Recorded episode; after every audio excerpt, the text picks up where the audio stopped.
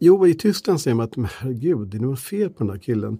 Han är kar och håller på med det här. Och då så, så jag började då. Ich bin feminist.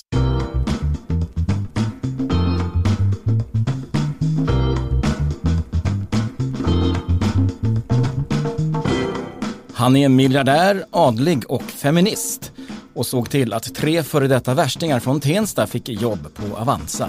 Sven Hagströmer är en av näringslivets good guys, men han läser med intresse listor över Sveriges rikaste personer, där han ofta själv finns med. Jag heter Joel Dahlberg och du lyssnar på podden Min första miljon. Men först några ord från poddens sponsor.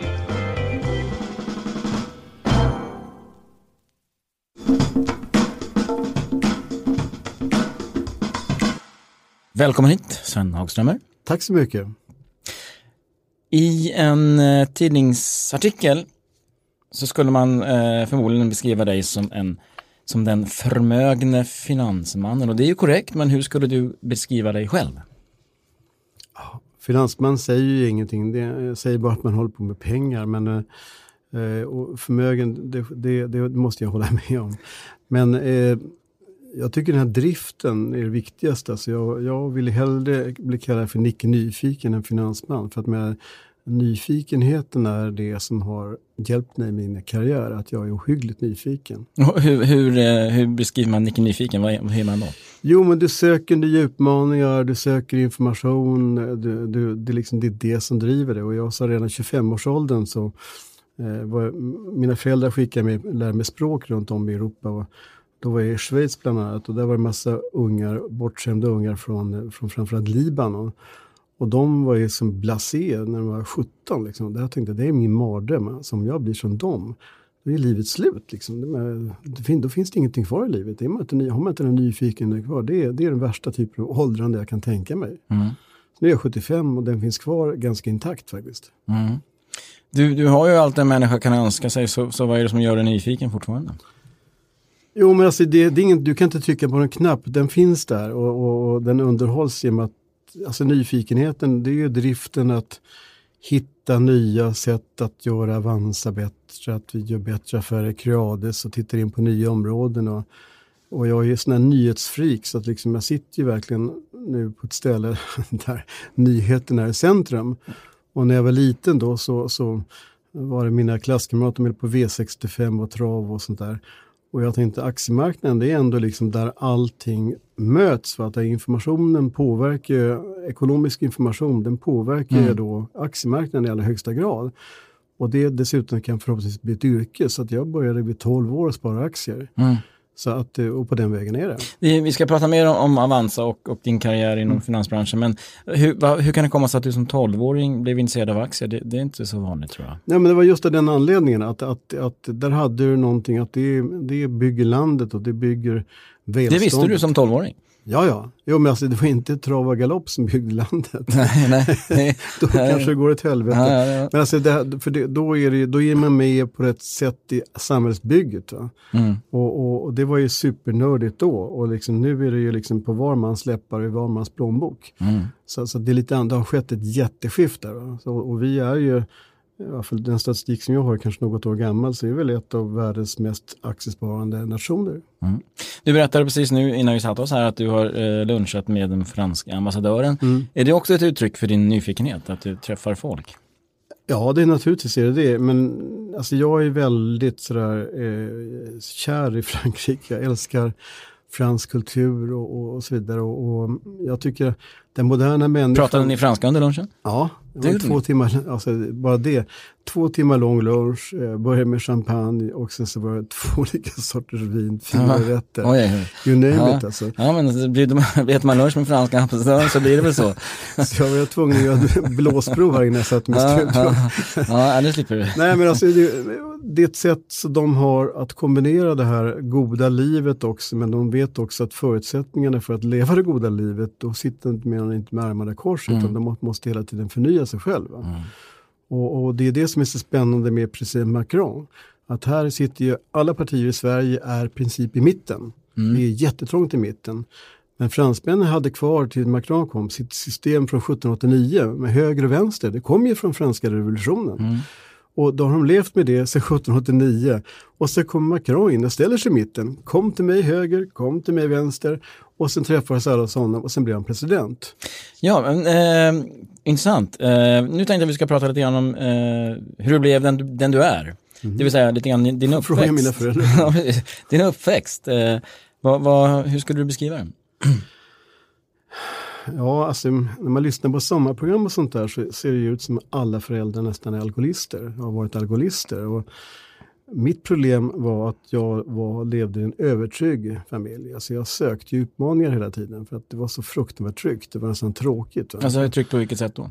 Ja, men att jag var överbeskyddad lite grann. Och, och, och då, och jag var ju en busunge i skolan och eh, en upplevelse var då som var lite en vändpunkt i mitt liv att jag var rätt dålig i skolan för att jag var road av det här med aktier väldigt, väldigt tidigt. Och, och för det första så när jag var 15, mina föräldrar vägrade att eh, skaffa tv.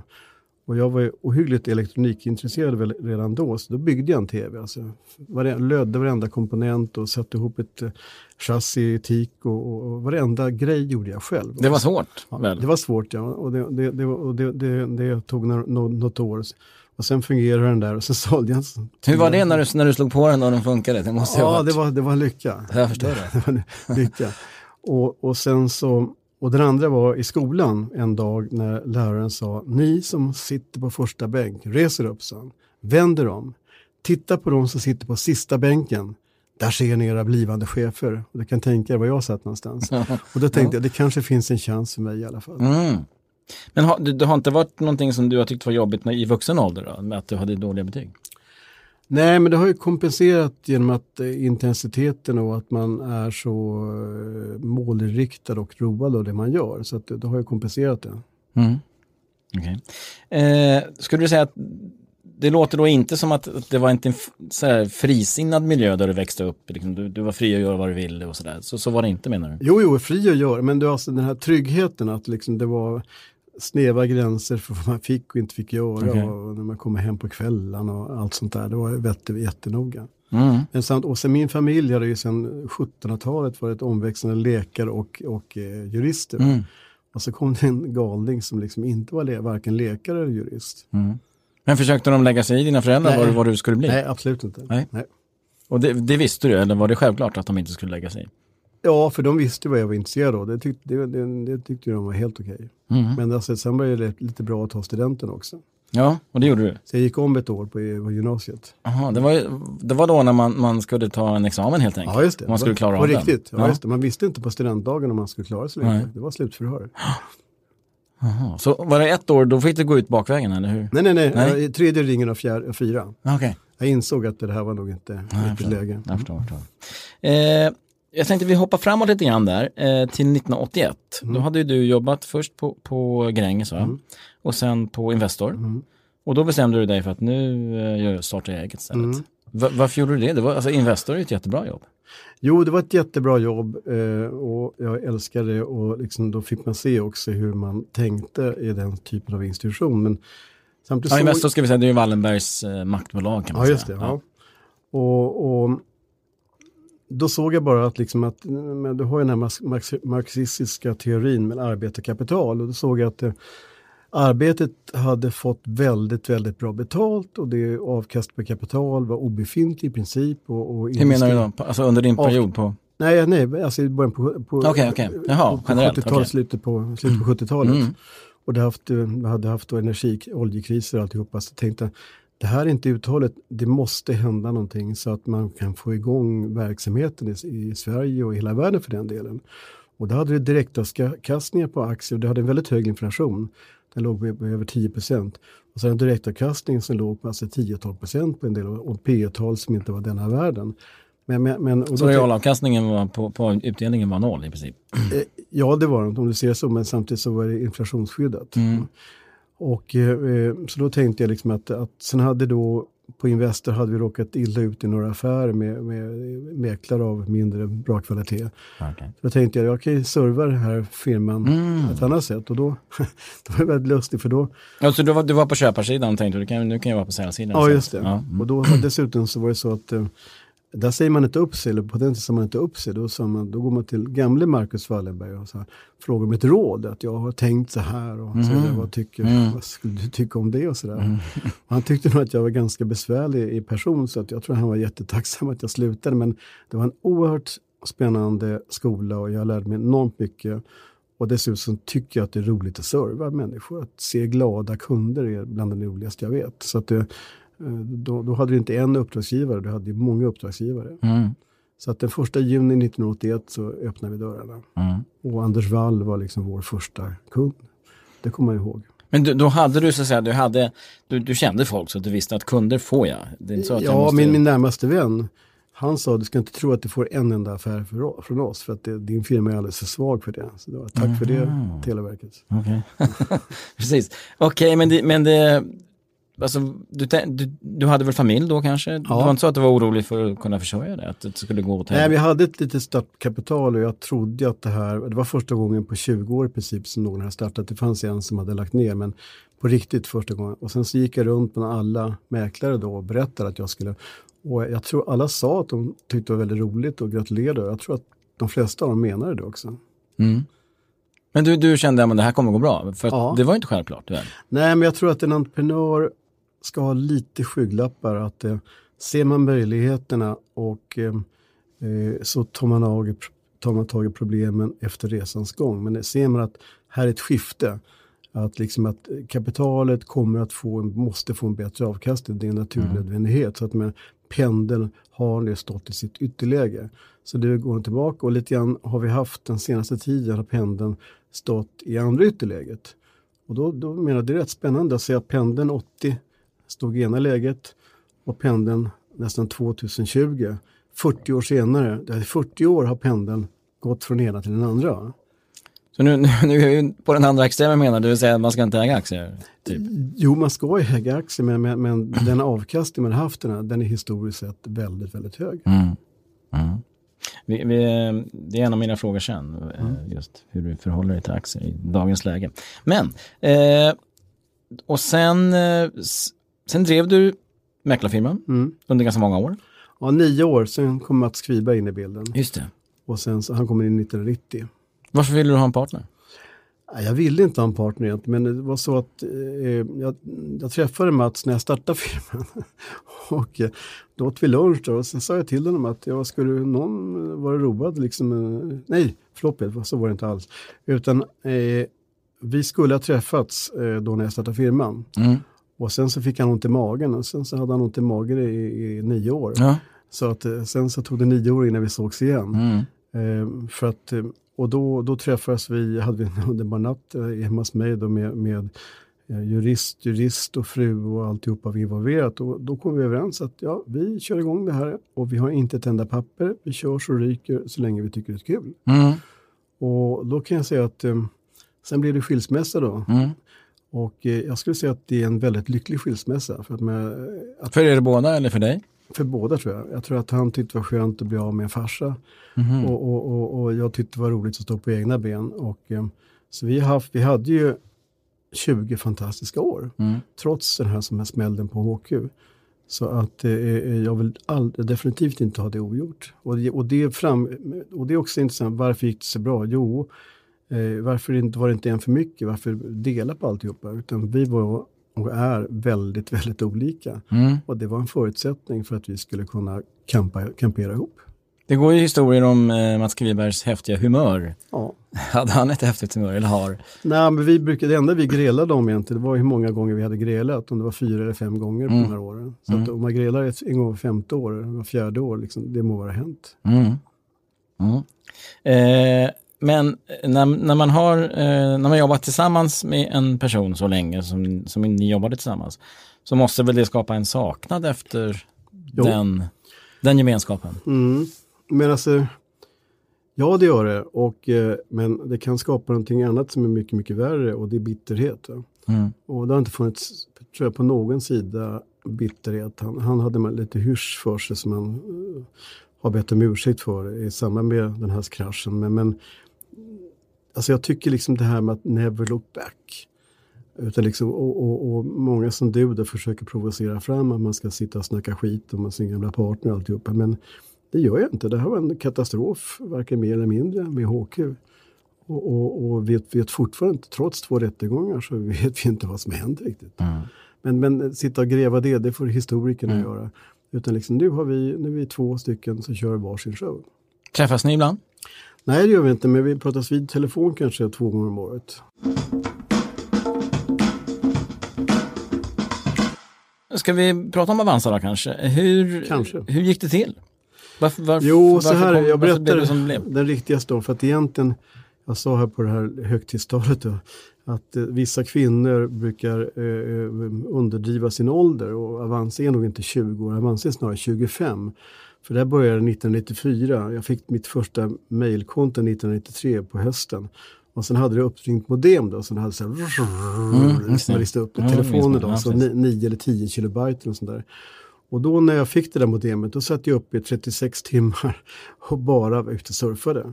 Och tänkte, herregud, det här är så nära himmelriket man kan komma som människa. För att med just informationsfliken som man är.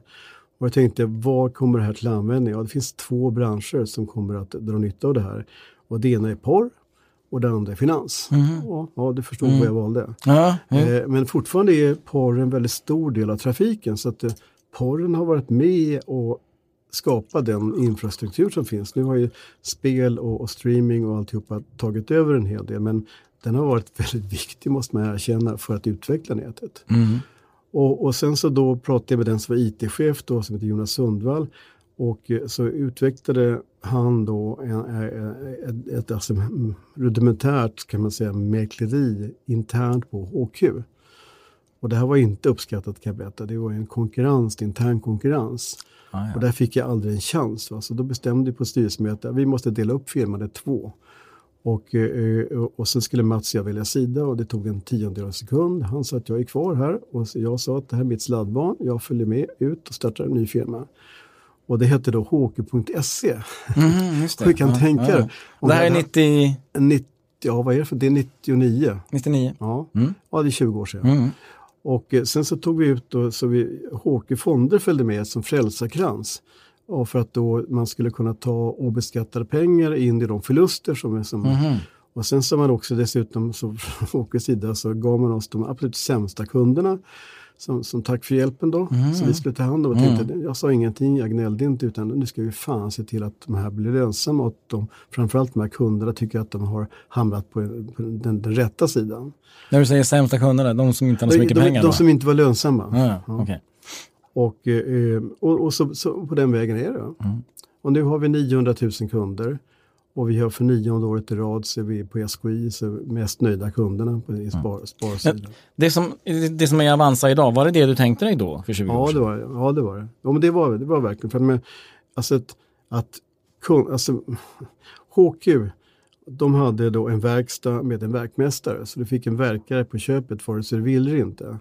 Men vi hade en do-it-yourself-verkstad. Och vi, skulle kunna, vi ville då lära våra kunder att arbe, använda de här verktygen, att vi mm. hade väldigt starka verktyg till deras förfogande. Så att de inte var beroende av en mäklare som kanske hade en helt annan agenda, utan vi gav dem Alltså, du, fick, du fick en meny att välja på, vad, vad som passar ditt riskbeteende mm. och alltihopa. Det har vi, för varje dag som går så försöker vi sofistikera just de här processerna med med, med, med, eh, så att du, med ledning av din riskbenägenhet, ålder och vad det är för någonting, att du gör riktiga val. Mm. Och det här tror jag att det är framtidens rådgivning. Så, så, att, så att, och sen, så, sen är det då, och den sista området vi gick in på här nu, det var då med lån, på lånesidan, mm. bolånesidan. Mm. Där vi då för 1,29 tror jag är, är lånar ut nu mot 60% belåning via Stabelo. Mm. Där vi är delägare. Ni kom ju in och tog ju så småningom ganska mycket affärer från eh, storbankerna. Ja. Eh, blev inte de arga? Ni måste ju ha kostat dem miljarder i vinster genom åren. Dem om. Det, det, märker man väl när en bank är arg? Nej, men vi sänkte priserna då med 90 procent ungefär. Och, sen så, och jag var ordförande efter Jan Stenbeck i Tele2. Och där sa vi så att, liksom att Telia ska veta att så fort de sänker priserna så kommer vi efter. Så liksom, kom ihåg det, så att vi är jävligt mycket mer effektiva än vad de är. Så, så, så, att det är de som drar kortaste strået. Det var lite grann samma sak här, att så fort det var någon som sänkte så var vi på direkt, så mm. inte vi redan hade sänkt innan. Eh, för det var ju liksom, vi ville vara prisledande hela vägen. Och då pratar vi courtaget? Courtaget, mm. framförallt ja. Mm. Och sen så kom det Nordea och sänkte priset eh, till 006 när vi hade 01. Och då tänkte jag, nu får det vara nog här, vi har sänkt priset med 90 procent.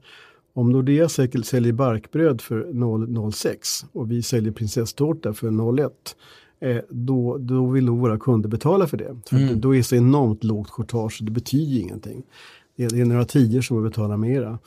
Och, och, och, mycket riktigt så var det så att i början så försvann det över en del kunder till Nordea för de tyckte att det här lät ju spännande sen så sen kom de tillbaka. Hur såg det här barkbrödet ut då från Nordea? Jo men, alltså, jo, men det var med sajt och alltihopa. Liksom det, här, det här är en sofistikerad, alltså, vi har ju lagt ner väldigt mycket pengar på en sajt som är instruktiv och som, där man ser valmöjligheterna. Alltså den, den, är, den är rätt sofistikerad tycker vi själva. Mm. Men alltså, man, man tar väl inte så, så stora marknadsandelar från, från de etablerade bankerna utan att det märks ändå? I attityden ifrån... Från... Men vi har 4% av sparmarknaden i Sverige, det är en in mm. det, det är 96 kvar. Ja. Mm. Så du, du, du, du, märkte aldrig av att bankerna tyckte att... Eh, nej. nej. Nej, alltså det, nej, för det här har aldrig varit något riktigt eh, prioritet det vi har gjort hittills. Nu när vi kommer in på eh, bolån, då tror jag det börjar svida. För att det, det, man får också inte glömma bort att det är väl de som inte kommer till oss som kunder och kommer över till oss. De använder oss för att förhandla med bankerna. Så bankerna har fått sänka sina marginaler på vår blotta existens. Mm. Men, men, men, men, vi tjänar inte pengar på att de sitter och förhandlar om sina lån på SE-banken. Utan att vi måste få över dem som kunder mm. också. Och därför, och, så det där är en produkt som är väldigt naturlig hos oss och vi försöker ju då göra den att producera den så billigt som någonsin är möjligt och det som kunna göra också på ett sätt att man blir kund här hos Stabelo på ett väldigt lätt och alltså, mm. på ett enkelt sätt och kan följa dessutom den här produkten. Men hur stora kan ni bli på bolagen då? Tidigare har ni haft en, ett, ett tak ju. Vadå för tak? Ja, att eh, antalet, ni har haft en, en, begränsning i dels eh, när det gäller vilka kunder ni tar in på bolån till en viss nivå, räntenivå. Det, det, det, det är helt borta? Ja, det är helt borta. Okay. Ja, det var på superbolånet när det var nere på 0,79. Mm. För, för där var ju en produkt att de pengarna var en del av vår överlikviditet. Mm. Att liksom, vi hade välja på att låna ut dem till Nordea för minusränta mm. eller låna ut dem till våra kunder för 0,79. Så det var en ganska hög marginal vi hade mm. där. Mm. Och den marginalen finns inte alls på Stabelo.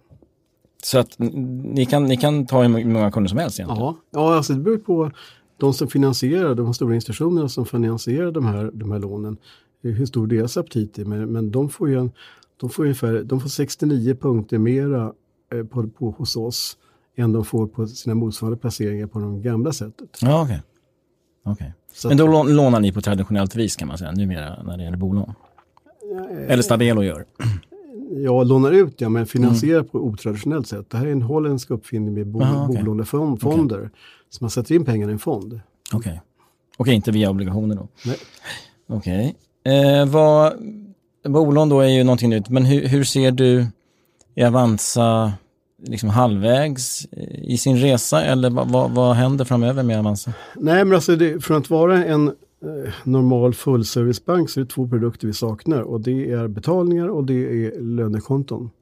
Och det har vi sagt så att om vi ska köra igång någonting så måste det vara bäst, best in class. Och eh, här sitter ju då världens mest briljanta hjärnor och tänker ut nya sätt att betala, nya sätt att ha bankkonto. Och vi tittar naturligtvis på allt som händer runt om i världen och där Klarna är ett exempel på det. Va?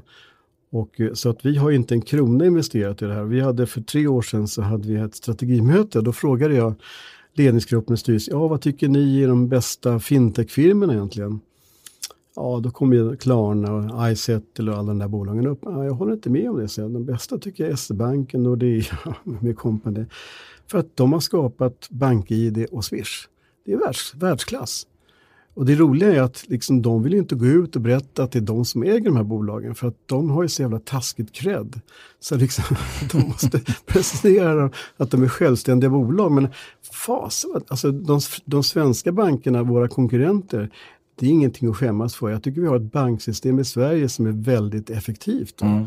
Alltså, med, titta på det engelska eller framförallt amerikanska, liksom, det är en jätteskillnad på effektiviteten. Mm. Mm. Så att, så att det, de här oligopolet som vi kanske kan kalla det för, men det är ett oligopol som är ett av de mest sunda oligopol i så mått att de har låga, förhållandevis låga Mm. kostnader.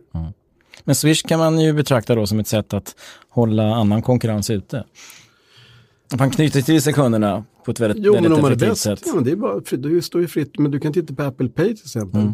Som inte har hänt så mycket mer. Va? Sen har vi ju gått ihop med Goldman Sachs nu och så ska jag göra någon ny lansering här så får vi se vad som blir av det. Men det, Mm. det finns massor med upstarts här som är väldigt vitaliserande för den här marknaden som kan bli spännande. Och hur- hur, vad är er roll då, då? Hur ska ni Jo, men, placera er på den här marknaden? jo, men då, då ska vi naturligtvis titta på att eh, kan vi göra någonting tillsammans med dem. Och vi har precis Med, med, med bankerna?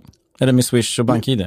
Nej, med de här Upstarter. Okej. Så att vi, I och med att vi har, men de har ju hur mycket pengar som helst investerade just till lönekonton och betalningar. Vi har noll där. Mm. Och, och så därför kan vi gå när vi ser en vinnare utkristallisera sig eller komma upp en ny spelare. Alltså, det är en, vi, vi snackar om en, en, ett fintech-företag som ska leverera en tjänst till er. Som ni då och för det behöver inte vara svenskt, det kan ju vara Nej. vad som helst i världen. Va? När händer det här? Ja, det vet jag inte.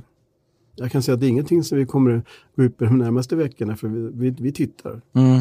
Och vi, vi tycker att det här att, att, att ha en fot kvar i den gamla banken, det gör mig inte skräckslagen på grund av det, för jag tycker det kan vara ganska bra att de kan jämföra erbjudandena. Och, eh, så att det var helkund och sen så är, är man nöjd med det. Och, för man, det, byter ju, det byter ju oftare fru än vad det byter bank. Mm. Så att, att det, liksom, inställningen till banken är ju väldigt konstigt tycker jag. För att man, man tycker att det är jättesvårt. Och alla de här bytena, om det är försäkringsbolag framförallt, livbolag, det tar ju ohyggligt lång tid. Mm. Och det, det dessutom kostar väldigt mycket pengar. Och där hoppas jag att det kommer en lagstiftning som är ett jävla oskick det där. Att ta så mycket, alltså livbolag är lika med att vara livägen. Mm. Den fria rörligheten menar du? Ja. På. Men alltså, eh, du brukar ju, du är väl ganska otålig. Vill inte du att det här ska hända nu? Det är klart jag vill, jag vill att det ska hända igår. Men, men, jo, men alltså, vi går inte ut med en metoo-produkt. Hur menar du då? Jo, alltså någonting som, är, som finns där som inte är, som är, har anor flera decennier tillbaka. okej. Utan vi vill ta någonting som gör det verkligen riktigt, riktigt bra för kunden. Mm. Hur aktivt letar ni nu då? Mycket aktivt. Vi hade strategimöten nu i förra veckan och då gick vi igenom och inventerade vi då allt som fanns som rörde sig. Mm. Och det här, ska, det här ska vara någonting som alltså är mycket bättre än det de etablerade bankerna har när det gäller eh, lönekonto, betalningar och kort och så vidare. Ja, men sen, sen kan man naturligtvis titta på att man kanske kommer fram till att eh, Swish, är det, det, det, det, det är kanske det vi ska in i. Mm. Okej, så- men du kan alltså inte säga när det här händer? Nej. Nej. Eh, men det beror hur, på att det, alltså, visst jag skulle inte säga det, men jag kan säga så mycket att jag vet inte. Nej. Men eh, om man då, den frågan jag ställde förut, är Avanza halvvägs på sin väg mot, mot det det ska kunna bli? Eller är det... Ingen aning. Nej. Jo, men alltså, så här är det också att det, eh, vi har ju många i min, som är som jag, som jag, som jag kallar mig själv för återfallsentreprenör. Va? Mm.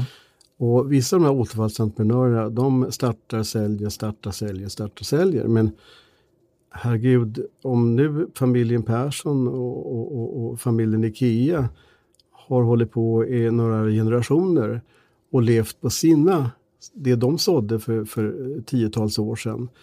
Och, och när man hittat en sån där spår, då ska man vara väldigt försiktig med att sälja och, och göra en exit. Så att det, då ska man hålla fast vid det här, för det här är ändå en revolution av sparandet, att göra sparandet lättillgängligt och billigt. Det är, liksom, det, det, det, är det vi lever för och med. Mm. Och så, så, så att därför att vara med och att utveckla den här firman är ohyggligt roligt och då har vi sagt också att vi ska vara i Sverige, gräv där det står. Va? Och gräver vi tillräckligt långt så kanske nästa land blir Kina. När vi har Ja. gått igenom hela Ja. vägen här. Jag förstår. Jag förstår. Att det har varit ohyggligt viktigt att just gräv där det står för att vi ska ha ett driftställe och då ha alla skalfördelar på ett ställe. Eh, vi brukar ju fråga liksom, våra, våra gäster som kommer hit. Har du, liksom, har du haft något mål? Och podden heter ju Min första miljon för det liksom illustrerar det här. Ja, men, när jag såg att jag hade en, en miljon på kontot, det var viktigt. Eller, har du haft något sånt, något sånt tillfälle? Nej, ja, alltså det har varit en blandning av det här nyfikenheten, teknikintresset och pengar som eh, en mätare på framgång, pengar som ett eh, eh, som ger dig frihet.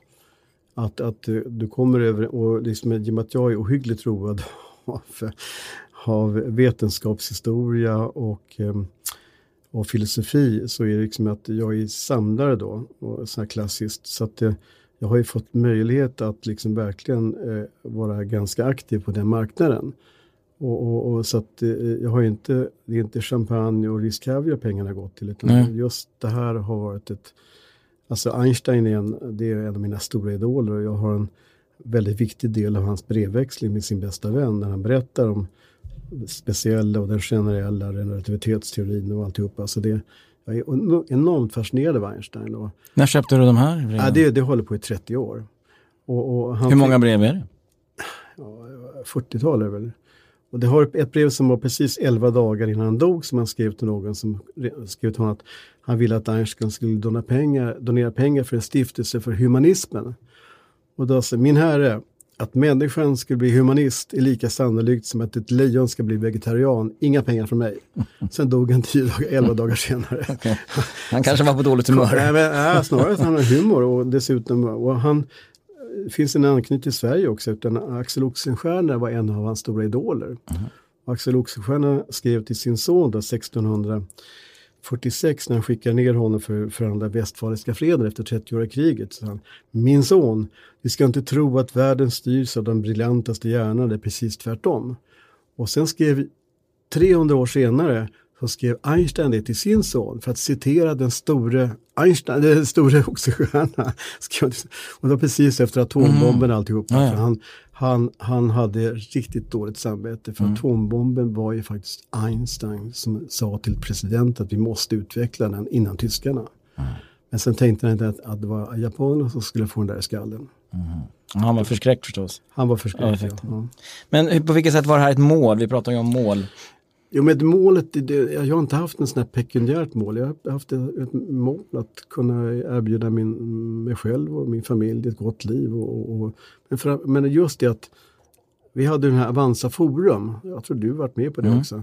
Mm. Och stå där på scenen och skapa det där bolaget inför 6 000 personer och vi hade 25-30 000 som var med live också. Och då säger jag så här, jag tycker jag njöt jag otroligt mycket och sen säger jag också, mitt mobilnummer är följande. Ring inte och säg att Avanza är bra, för det blir man bara, då tror man att man kan gå på vatten. Ring och gnäll och klaga på det som inte funkar, för det är operativt. Va? Kritik är operativt. Alltså kritik är det viktigaste du kan få. Och det jobbiga var att i princip ringde aldrig någon. Jag lämnade ut mitt, mitt nummer, mitt mobilnummer. Mm. Och så var det ytterst få som hörde av sig. Vågade de inte eller varför ringde de? Nej, jag vet inte riktigt varför. Fick aldrig svar på det? Nej, men jag tänkte liksom, det var ju precis tvärs emot varenda jäkla rådgivare skulle säga. Det är ju fan dum i huvudet liksom, som alltså, lämnar mm. ut mot mobilnummer. Mm. Men behöver du bli rikare än vad du är idag? Nej, men nu, nu ser jag inte på det viset, utan jag, jag tycker att det här, vi har skapat någonting väldigt spännande som har rönt internationell uppmärksamhet och det är en stolthet att vara med och få några år till att utveckla det här. Mm. Eh, ha, vilken har varit din största kris då?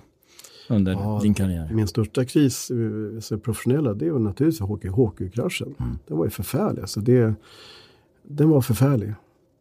Alltså det var, och, och, och, och att vakna upp i den här Houston we have a problem. Och sen så det problemet, det blir bara större för varje dag. Och sen så att vår råd, då säger Mats och jag att du är HQ och jag är Öresund. Vi ska se vad vi kan göra för att rädda firman. Och sen, så, jag ska inte berätta varenda liten detalj, men, men, men eh, sen så den näst största, det var ju då för några månader sedan när vi fick en, en ordentlig anmärkning och en, en väldigt kraftig bot i Avanza person. För att det här rapportering och annat hade inte skötts på ett perfekt sätt. Så det, det var en förfärlig historia. Och jag brukar gå på gymmet där och på gymmet så, så har man såna här pappersmuggar som man sätter sin signatur på. Så brukar det stå. Mm. Och dagen efter det här kom då, vet du vad jag skrev på min pappersmugg bara sådär? Mm. Titta på den, det står FI. Så liksom jag hade helt på hjärnan, alltså jag var helt förstörd. Jag tyckte det var så fruktansvärt pinsamt och vi har verkligen försökt på bästa sätt att göra det här och ändå misslyckats. Mm. För att det hade varit ett program som var Compliance Excellence, heter det och jobbat när vi såg att det här att det kom. För att med, eh, när, alla, när Finansinspektionen kom med sina domar då, mm. då är det i princip alltid avklarat. Mm. Så men det här var ju klart nästan ett år tidigare mm. så hade vi klarat av så. det här. Men vi satte in väldigt stora resurser och vi ökade kostnaderna kraftigt för att liksom lösa det vi hade och se till att vi täppte mm. till de hål som fanns. Men Håke, kände du där att för nu, du har ju kommit ut och ja, du är framgångsrik, Avanza mm. går bra. Men kände du någonstans att det här kan gå käpprätt åt helvete? Ja, det är klart jag gjorde. Ja, ja. Men hur, lång, hur långt det tog det innan, innan du kunde släppa det där? Att okej, okay, nu har jag lagt det bakom mig. Det tog ja, två år. Mm. men alltså, det var ju dygnet runt. Vi hade ja. styrelsemöten klockan fem på morgonen. Nej, men alltså, och då, liksom, då är det ju så att det är som en jordbävning. Liksom, där du tror att du har stått på fast mark och du sitter där på varsin sida av skrivbordet Mats och jag och naturligtvis en kund till Avanza som kom från Håke, det var ju en trofé. Va? Så vi hade ju vår lilla interntävling, vem som hade finaste banken. Det var, det var så. och sen så, ja, sen så gick det som det gick. Och sen så ett år senare så sa att liksom, vi ska nog göra skilsmässa här. Ja, visst. Och sen så tog det någon, någon, någon vecka kanske och så var det klart. Och, och, och, och, och sen var det inte mer med det. Mm. Vi ska prata också, det är bara en, en fråga som, som eh, dyker upp bland oss vanliga dödliga så att säga, när det gäller eh, väldigt förmögna personer. Och det är den här rankingen som ibland görs, som man får för sig att det där är viktigt för, för, för de som finns på den. Att man läser och så, så kollar man, okej, okay, vem slår jag och vem får jag stryka av? Är det så? Ja, det är klart att jag glömt jag tittar på det. Du menar Veckans Affärer? Ja. ja. det är klart att jag tittar på det. Mm. Jo, men, det, men, jo, men alltså det... Du kollar vem, vem är rikare och vem är inte lika rik? Ja, och sen så, ja, vissa, oh, han, han är verkligen värd det. Alltså, hon är verkligen värd det. Så man, man sitter ju och har en värdering. Och han kanske inte är värd det? Då. Nej, precis. Mm. Och det där, så, så sitter jag i alla fall. Och, och, och, och, och fan, det här var inget bra år och sådär. Så att liksom, mm. ja men det är klart man gör. Då eh, har jag ju också lite frågor kring det faktum att du, du är ju adlig. Mm. Vad betyder det? Liksom? Jo, det betyder det att jag har föreslagit att eh, det billigaste sättet att belöna människor som har gjort något bra i samhället det är att eh, återinföra adelskapet. Det kostar inte en spänn och det, det kan ju ha, låta det vara över på generation. Men det är ett, jag har försökt också att ta de hundra största skattebetalarna och göra dem till hedersmedborgare och sådana saker. Så liksom att de som betalar väldigt mycket skatt i landet ska känna att landet har en, är tacksamma för de där mm. pengarna. Istället för att det är något jävla straff som man ska leverera in till staten. Mm. Alltså att försöka vända attityden när det gäller att belöna folk. För med adelskapet, var, nu betalar man inte ut i egendom eller någonting utan nu är det bara en, en titel mm. som inte kostar en krona. Mm. Du eh, är ju engagerad i eh, två av samhällets eh, brännande frågor. Svenska samhällets. Eh, jämställdhet igen. Eh, det andra är segregation, mm. integration. Eh, varför, varför då? Varför är du så engagerad i detta? Jo, alltså jag är, när det gäller religion så är jag agnostiker. Alltså jag tycker de där som vet att det finns en gud och de andra som, inte, som vet att det inte finns en gud, jag förstår inte varifrån de får det, vad det finns för bevis. Utan eh, jag säger att det, ja, det är möjligt att det finns det, men, men jag tror på kraften hos entreprenörskapet. Det är vad jag tror, det är min tro. Att entreprenörskapet, liksom om det gäller politik, det gäller näringsliv, det gäller kultur och eh, alltså egentligen vilket område som helst. Så jag har varit med ett, ett antal, jag har varit med och skapat Junilistan, jag var med på Fotografiska, jag startade det. Och sen så det här nu entreprenörskapet som är mina firmor som jag startat. Och sen det sociala entreprenörskapet, att, liksom att driva då Allbright och driva det är stiftelsen det. Stiftelsen mm. Allbright för kvinnor ska få rätt till de jobben som de är utbildade för. Så att man, annars kan vi lägga ner utbildning, högre utbildning för kvinnor om de sitter liksom ska, ska få skitjobb. Utan det, är, inte alla, menar att alla kvinnor ska bli dirrare och styrelsemedlemmar utan för de som vill bli det, som är kvalificerade för det, ska också komma dit och inte låta sig eh, inte, konkurreras ut av män som är mindre, mindre mm. lämpade. Va? Och samma sak för registret, utan ditt ID-kort, det är ju då det är språket, det är bostaden och det är jobbet. Det är de tre ingredienserna för att du ska bli mm, alltså, en anpassad samhällsmedborgare. Och vad vi hjälper till med där, det är då språket. Att, att ungarna får använda sin Det här- fantasi. det- det- det är barn som- Berättarmästaren, Ja. det är unga, ja precis. Och, och, och att få då använda sin fantasi och, och så vidare och skapa egna berättelser. Och sen så var jag dessutom då eh, mentor på Tensta gymnasium. Och dels mentor åt rektorn och blev förskräckt vad liten rektor har att säga till om. Och sen mentor åt elever och såg till att de klarade sin student. Och, och, det, och, det, men, och det var ju liksom då att jag ville inte komma in i någon sån här vattenkammad innerstadsskola utan jag ville ut i en verklighet som jag inte kunde och då var ju Tensta perfekt.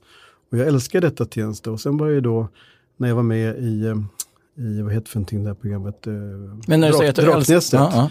Så stod det i Tenstas lokaltidning, vår Sven Hagström är med vid Draknästet, då är jag skitstolt. Jag Men när du säger att du, att du gillar, att du älskar Tensta, vad, vad är det du älskar då? Jo, men alltså, och de ungarna som jag var då mentor åt, alltså jag sa att jag är inte er jävla farsa, så, utan jag är er mentor. Ni ringer till, jag, jag är er livlina. Ni ringer till mig när, jag, när ni behöver hjälpa mig.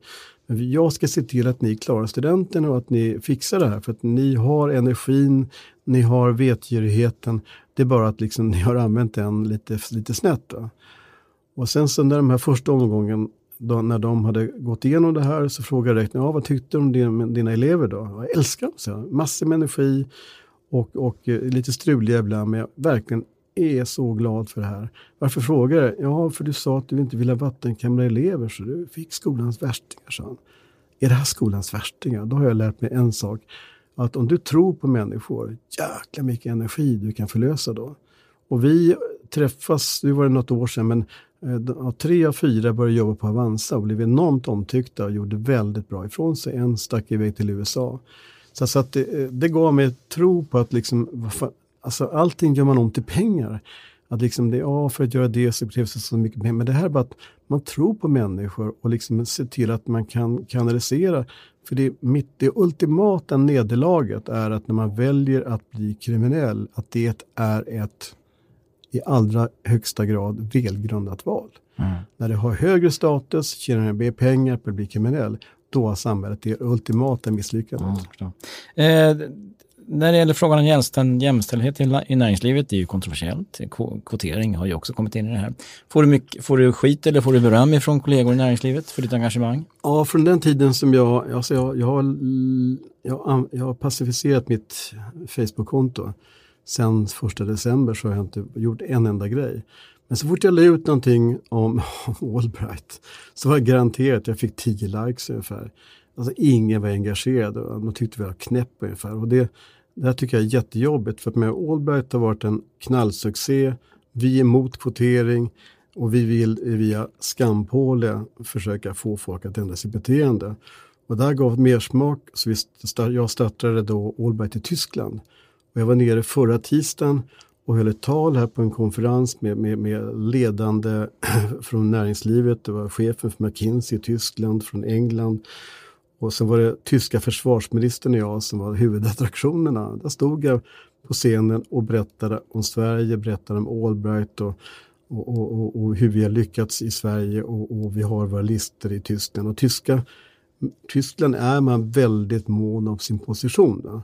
Så om vi sitter och sätter upp en fin dirre på svarta listan, vet jag, det, är- det är ju öde värre än döden. Och sen så är det roligt att då, för regeringar oavsett färg, alltså CDU eller SPD, alltså borgerliga eller, eller sossar, eh, de, alltså, efterordet till de här rapporterna har jag skrivit tillsammans med någon av näringsministrarna i Tyskland. Så att regeringen tycker det är underbart att jobba med er. Vi är de som håller oss till, alltså, vi måste hålla oss inom ramarna. Och ni är den här busiga eh, yngstingen som springer omkring och gör över livet sur för de här människorna. Och förra veckan så tog, stod, vet du det, tog eh, Merkel upp vår senaste rapport och sa att de här 53 bolagen i senaste Åberg-rapporten, ändrar de inte sin attityd så blir det lagstiftning, bara som vet det. Så det, det, och det, det där entreprenörskapet är otroligt roligt. Alltså. Det är en enorm stimulans. Men är, blir du populär eller impopulär på grund av det här i, Ja, men bland då- dina kollegor i näringslivet?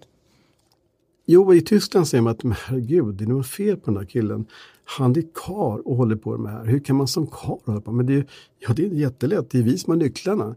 Det är inte tjejerna som har nycklarna utan vi måste se till att de får sina nycklar av oss. Så att det, det, det, och då så jag, jag började då Ich bin feminist, så och, då, och vad är feminist? Jo, att män och kvinnor har lika möjligheter, punkt slut, så enkelt kan man säga. Och vi får inte låta vänstern kidnappa feministbegreppet. För att med, så har det blivit att, att jag är inte feminist, det är massa konstiga feminister som kommer med konstiga saker. Utan är det här feminist? Och så slutar jag med ett anförande. Jag hoppas nu att alla här är feminister. Va? Och det naturligtvis blir jätteciterat då, för man, det måste man vara. För, för att det är en självklarhet. Mm. Eh, jag ska vi ska prata lite tips och sådär, lite, lite när det gäller företagande. Om du var, om du var 35 eller 38 som du var när du, start, när du startade din egen firma. Idag, vilken sektor skulle du satsa på då? Ja, samma. Finans? Ja. För att? Jo, men det är knutpunkten, det är liksom hubben i samhället är ju, alltså där har ju Marx rätt, det är kapital och arbete. Och, och, och därför att väl fungerande finansmarknader, för Gunnar Sträng sa en gång, ja, men det behövs inga börser och sånt där, det kan man göra nyemission. Jo, men alltså, gör man nyemission och det inte finns en likvid marknad, då kommer ju kostnaden för kapital bli hiskeligt. Va? Så att ju bättre väl fungerande marknader ju billigare blir kapitalet. Så enkelt är det. Så, så, så att, att, vara med och, och, ta fram en rationell kapitalmarknad, ta bort de värsta oarterna och så vidare. Och där har vi varit enormt duktiga i Sverige genom att vi är flitiga och, och håller oss till reglerna och så vidare. Så därför har vi fått ett internationellt ägande som är väldigt, väldigt högt. Mm. Och vi är ett land som allt vi producerar, varor och tjänster, där går 50% på export. Mm. Alltså, det är mycket värre än Kina menar jag. Så vi pratar om Kina som är så men, men, men alltså vår bytesbalans och alltihopa, det är fantastiskt att vi, vi är enormt konkurrensutsatta och det har varit en lycka för Sverige för att vi hela tiden har tvingat oss att stå på tårna. Mm. Men okej, okay, eh, det är en person som då är ung har en, och har en idé som då kanske just i den branschen mm. som du pratar om, finans. Vad har du för råd då? Hur ska man, hur ska man veta att idén är hållbar? Jo men alltså det, så här är det att eh, eh, när, det kommer upp massor med människor till oss som är, tror jättemycket på det de har kommit på. Och, och oss är Avanza? Creades. Creades, ja. Okay. Och då får de en halvtimme på sig att presentera. Men kan, inte, kan du inte presentera för oss som är välvilligt inställda din idé och vi tror på den, hur ska fan ska du då kunna presentera för en kund? Liksom så att, så att, så att, och då förstår de samman att det är det här med tiden, inte att de får fem timmar på sig. Är en av våra bästa kampanjer någonsin så, så, som Avanza skulle ha så kom de ut till mig på landet för det var mitt i sommaren. Så började de dilla om kampanjen. Men får jag se kampanjen? Ska ni berätta för alla, hela, hela Sveriges befolkning hur ni har tänkt först? Och då är det något fel på kampanjen. Visa kampanjen istället. Och den är den, den är särklass bästa kampanjen. Ja, bra. Ni behöver inte förklara för det här är self-explained. Den är ju lysande. Det var så jäkla bra var den. Då var Niklas Storåkers Men eh, Creades, det, det, där har ni pengar i, i ditt bolag då? Att satsa på nya ja. idéer. Och alltså just nu sitter vi på likviditet på en miljard. Herregud. För vi har sålt eh, Acne och vi har sålt hälften i, i Lindab och hade rätt hög likviditet innan. Mm. Så nu kan du bjuda in folk som har bra idéer då? Det kan vi göra, det gör vi alltid. Ja. Mm. Men eh, okej, okay, det var ett, ett tips som ja. du precis gav. Ja. Eh, en tydlig idé. Jo, men det är också det här, det, nummer två är det att eh, det kanske är så att din idé kanske inte är lika lysande som du tror. Va? Så kör inte vidare. Det gäller att, om du, nu är inte jag speltypen, men att när du går in på ett kasino, så när du går in genom dörren så ska du veta att det här är max vad jag tänker satsa. Och när de pengarna är borta, då går du ut genom dörren igen. Och här är samma sak. Eh, hur länge ska jag, när ska jag lägga ner? Och för du får inte sätta eh, villa och, och, och hustru och barn och alltihopa i pant om det nu är en man vi pratar mm. om. Utan att det går för långt, utan liksom, det finns en gräns som du inte får passera. Mm. Utan alltså, du får inte ställa för mycket på spel. För mm. då kan du inte komma igen med en ny idé, ja, då är de pengarna borta också. Mm. Och har du något bra, liksom, hur, hur, kan man veta på förhand att en idé är bra? Eller är det bara liksom... Jo, men det är också de här som ska ärva världen det första de gör. Men man måste ju börja, innan man lär, lär sig gå måste man lära sig krypa. Och det är det jag menar, och det, det har vi lärt oss nu i 20 år i Avanza, att liksom vi, vi skulle naturligtvis kunna starta utomlands i något lämpligt land, men så länge man har 4% marknadsandel av sparmarknaden i Sverige, var vi inte adresserar mm. hela den marknaden, så är, finns det rätt mycket kvar. Mm. Sven Hagströmer, tack för att du kom hit. Tack Julie Dahlberg för att jag fick komma hit. Det var veckans avsnitt av Svenska Dagbladets podd Min första miljon. Missa inte förra veckans intervju med kostentreprenören Fredrik Paulun som blev miljonär på müsli. Han avslöjar bland annat sitt största misstag som entreprenör.